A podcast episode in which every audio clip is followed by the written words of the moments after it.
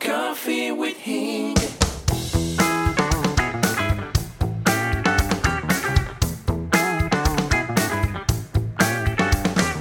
Halo para sahabat sekalian, salam berjumpa kembali dengan saya Hingdranata Nikolai dalam episode berikutnya podcast Coffee with Hing. Semoga kembali saya menjumpai Anda semua dalam keadaan sehat, dalam keadaan fit, dan dalam keadaan produktif. Kita masih di season 1, uh, masih dalam uh, cerita-cerita, masih dalam obrolan, bagaimana mengangkat uh, sikap mental kita, pola pikir kita untuk mengantarkan kita melewati masa-masa saat ini dengan lebih produktif, dengan lebih fit, ya, dengan bisa melakukan apa pun yang bisa kita lakukan dengan apa pun di sekitar kita. Untuk setidak-tidaknya membawa hasil-hasil sekecil apa pun untuk melewati era-era COVID-19 ini ya menuju ke masa depan kita dan mempersiapkan, membangun uh, dan apa pun yang Anda bisa sebutkan ya men-set up, prepare ya untuk masa-masa yang kadang-kadang ada orang menyebutnya the new normal, ada yang menyebutnya sebagai different normal dan sebagainya ya. Nah, um, kadang-kadang kita bertanya para sahabatku, kira-kira setelah ini selesai apa yang akan terjadi dengan hidup saya? Apa yang akan terjadi dengan bisnis saya, ya, dengan pekerjaan saya, dengan karya-karya saya, dengan ide-ide, dengan hubungan saya, dengan keluarga saya dan sejenisnya. Kalau itu adalah pertanyaan Anda, sebuah dongeng berikut ini mudah-mudahan bisa memberikan inspirasi. Kita langsung saja ya. Tersebutlah di sebuah desa yang terletak uh, di lembah antara dua gunung ya di mana desa tersebut mempunyai satu orang pintar. Ya kita sebut orang pintar orang bijaksana yang hidup di atas gunung ya. Dan orang bijaksana ini Saking sebegitu bijaksananya, dia banyak sekali memberikan berbagai ide, solusi, berbagai petunjuk-petunjuk kepada setiap warga desa itu, sehingga warga desa tersebut banyak sekali mendapatkan pencerahan, solusi, ya, tips-tips yang merubah hidup mereka. Jadi kalau ada yang sakit, mereka datang ke orang pintar ini dan dia berhasil memberikan mereka beberapa petunjuk untuk eh, meningkatkan kesehatan mereka atau menyembuhkan mereka mereka punya masalah dalam rumah tangga, uh, mereka datang ke orang pintar ini dan dia berhasil memberikan mereka petunjuk sehingga rumah tangganya menjadi baik-baik saja. Mereka punya masalah dalam stres, mereka datang ke dia dan dia berhasil juga membantu mereka untuk mengatasi stresnya. Jadi berbahagialah warga desa ini uh, dengan berbagai petunjuk-petunjuk dari sang bijak ini. Tetapi tentu saja ada yang tidak terlalu menyukai, ya kita sebut para haters lah ya dan haters kita dalam eh, cerita ini adalah sekelompok anak muda yang karena mereka ingin bisa melakukan berbagai hal sesuka mereka mereka sering kali menemui hambatan terutama dari orang tua-orang tua mereka yang mendengarkan sekali kata orang bijak ini. Jadi anak-anak kita ini, ya, anak-anak muda ini yang di desa itu rupa-rupanya ingin bisa melakukan banyak hal ternyata karena nasihat-nasihat orang bijak, akhirnya para orang tua mereka yang mendengarkan sekali nasihat orang pintar, orang bijak ini memberikan banyak batasan kepada anak-anak muda ini, ya. Dan suatu hari anak-anak muda kita ini mencoba bukan cuma menguji tetapi justru ingin menjebak sang orang pintar dan orang bijak ini dengan berbagai trik-trik sehingga mereka berhasil membuktikan bahwa sebetulnya ini bukan orang pintar, ini bukan orang bijak, sehingga warga desa tidak lagi mendengarkan omongannya. Dan mereka menyusun sebuah rencana yang sangat-sangat cerdas menurut mereka. Uh, dan suatu hari mereka pun bergerak uh, naik ke gunung untuk bertemu dengan sang orang pintar ini. Ya, dan sesuai dengan rencana, sebelum mereka bergerak naik gunung, ya mereka telah uh, bertemu untuk menyusun rencana dan rencana mereka adalah um, satu orang di antara mereka akan uh, memegang seekor burung di belakangnya, jadi dia akan memegang dengan tangan yang bersembunyi di belakang. Ya, intinya mereka akan bertanya kepada sang orang pintar ini, dan uh, bertanyanya adalah uh, apa yang saya pegang di tangan saya ini. Ya, dan kalau misalnya ternyata sang orang pintar ini mengatakan burung, mereka akan bertanya ini hidup atau mati. Dan kalau sang orang pintar menjawab ini adalah mati, ya salah dia. Karena ini adalah burung hidup. Tetapi kalau dia menjawab burung ini adalah hidup, yang memegang uh, yang memegang burung tersebut akan segera uh, mencekek um, leher sang burung di belakangnya sehingga burung tersebut mati dan orang pintar ini ternyata terbukti salah. Lalu setelah menyusun tersebut, nah mereka tadi beramai-ramai lah menuju ke orang pintar tersebut. Nah, begitu mereka sampai di kediaman sang orang pintar, sang orang pintar menyambut anak-anak muda ini dengan penuh senyum dan bertanya, gitu ya, yes, ada yang bisa saya bantu hari ini? Karena memang yang datang ke situ semuanya ingin butuh pertolongan dia tentu saja. Dan anak-anak muda ini langsung uh, bertanya langsung kepada sang orang pintar, sang orang bijak ini, ya, apa yang sedang saya pegang di belakang saya ini, ya? Sang orang pintar melihat baik-baik mereka dan mengatakan bahwa apa maksudnya bertanya seperti itu? Katanya. Iya, yang saya pegang di tangan saya ini di belakang uh, saya ini apa ya? Sang orang pintar berpikir sejenak dan mengatakan bahwa itu adalah seekor burung.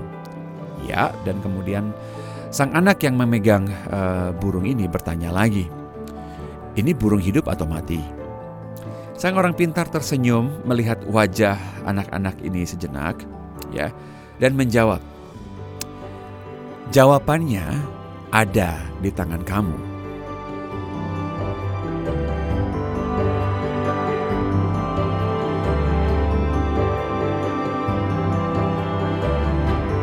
Ya para sahabat sekalian, ya entah Anda tadi memahami uh, arah dari cerita ini ya kenapa saya menceritakan kepada Anda? Ya jadi cerita ini saya ketemu sekitar uh, ya sudah cukup lama sekitar 11 atau 12 tahun silam Ya kembali lagi pada saat saya masih rajin sekali berbagi berbagai cerita ya di dalam sesi-sesi entah seminar, sesi coaching saya ya. Karena cerita ya seperti Anda sudah dengar-dengar podcast saya sebelumnya, cerita memang banyak sekali bisa membantu pola pikir kita, menyadarkan kita kepada hal-hal yang uh, tadinya kita tidak pikirkan ya. Jawaban sang orang pintar tadi di ujung kalimat tadi itu adalah kunci yang menurut saya juga ya akhirnya juga merubah cara berpikir saya mengenai banyak hal. Ya, jadi jawabannya secara sederhana. Jawabannya ada di tangan kamu, kata sang um, orang pintar ini. Karena sering kali para sahabat sekalian, pada saat kita bertanya apa yang akan terjadi dengan A, apa yang akan terjadi dengan B, karir saya, pekerjaan saya, bisnis saya, apa yang akan terjadi lagi, apa yang bisa saya lakukan besok, ya, apa yang harus saya lakukan hari ini dan lain-lain. Jawabannya itu memang adalah ada di tangan kamu. Pengertiannya apa? Bukan berarti kita mengatakan bahwa kita adalah orang yang berkuasa di muka bumi ini, tetapi kita yang akan menentukan sebetulnya arah dari karir kita, arah dari bisnis kita, ya. Karena kita sebetulnya mungkin juga tidak tahu 100% apa yang akan terjadi dengan bisnis kita, pekerjaan kita, hubungan kita, kehidupan kita. Tetapi yang bisa kita lakukan, ya, dan ini adalah jawaban sang orang pintar tadi adalah menentukan berbagai jalan dan arah dari bisnis kita, pekerjaan kita. Ya, jadi dengan menentukan berarti kita mengambil tindakan yang kita tahu sesuai dengan arah yang kita inginkan.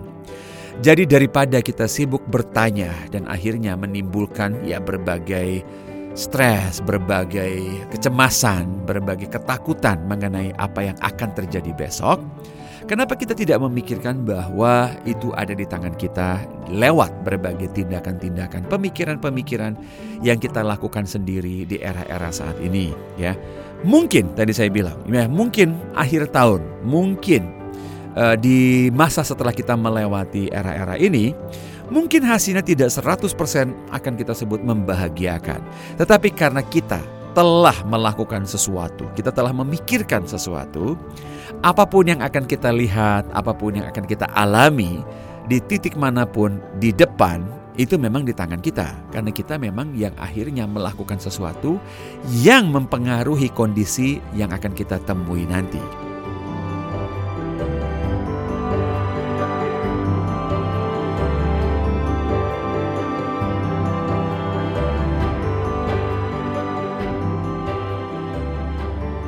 Jadi pesannya sangat sederhana. Kita terlalu sering para sahabatku menyerahkan berbagai arah pemikiran, arah hasil di tangan situasi, di tangan orang lain. Karena kalau Anda ingin menyerahkan berbagai kemungkinan-kemungkinan terhadap situasi yang terjadi di luar sana, ya Anda tahu bahwa Anda juga berarti akan sangat-sangat tergantung ya dari hasil orang lain, dari tindakan-tindakan orang lain, ya dari keputusan-keputusan orang lain, ya dari berbagai hal yang terjadi ataupun dilakukan orang-orang orang lain selain ya apa yang bisa kita lakukan. Karena orang lain akan menentukan jalan mereka berdasarkan arah hidup yang mereka inginkan. Jadi kalau Anda menunggu dan Anda hanya pasif, jadi Anda lihat nanti arah pergerakan Anda juga mungkin ataupun bahkan bisa jadi sangat-sangat mungkin mengikuti arah kehidupan orang lain yang belum tentu juga membahagiakan Anda, yang belum tentu adalah garis sukses untuk Anda sendiri, para sahabat sekalian ya. Jadi ingatlah kata orang pintar tadi di tangan kamu ya.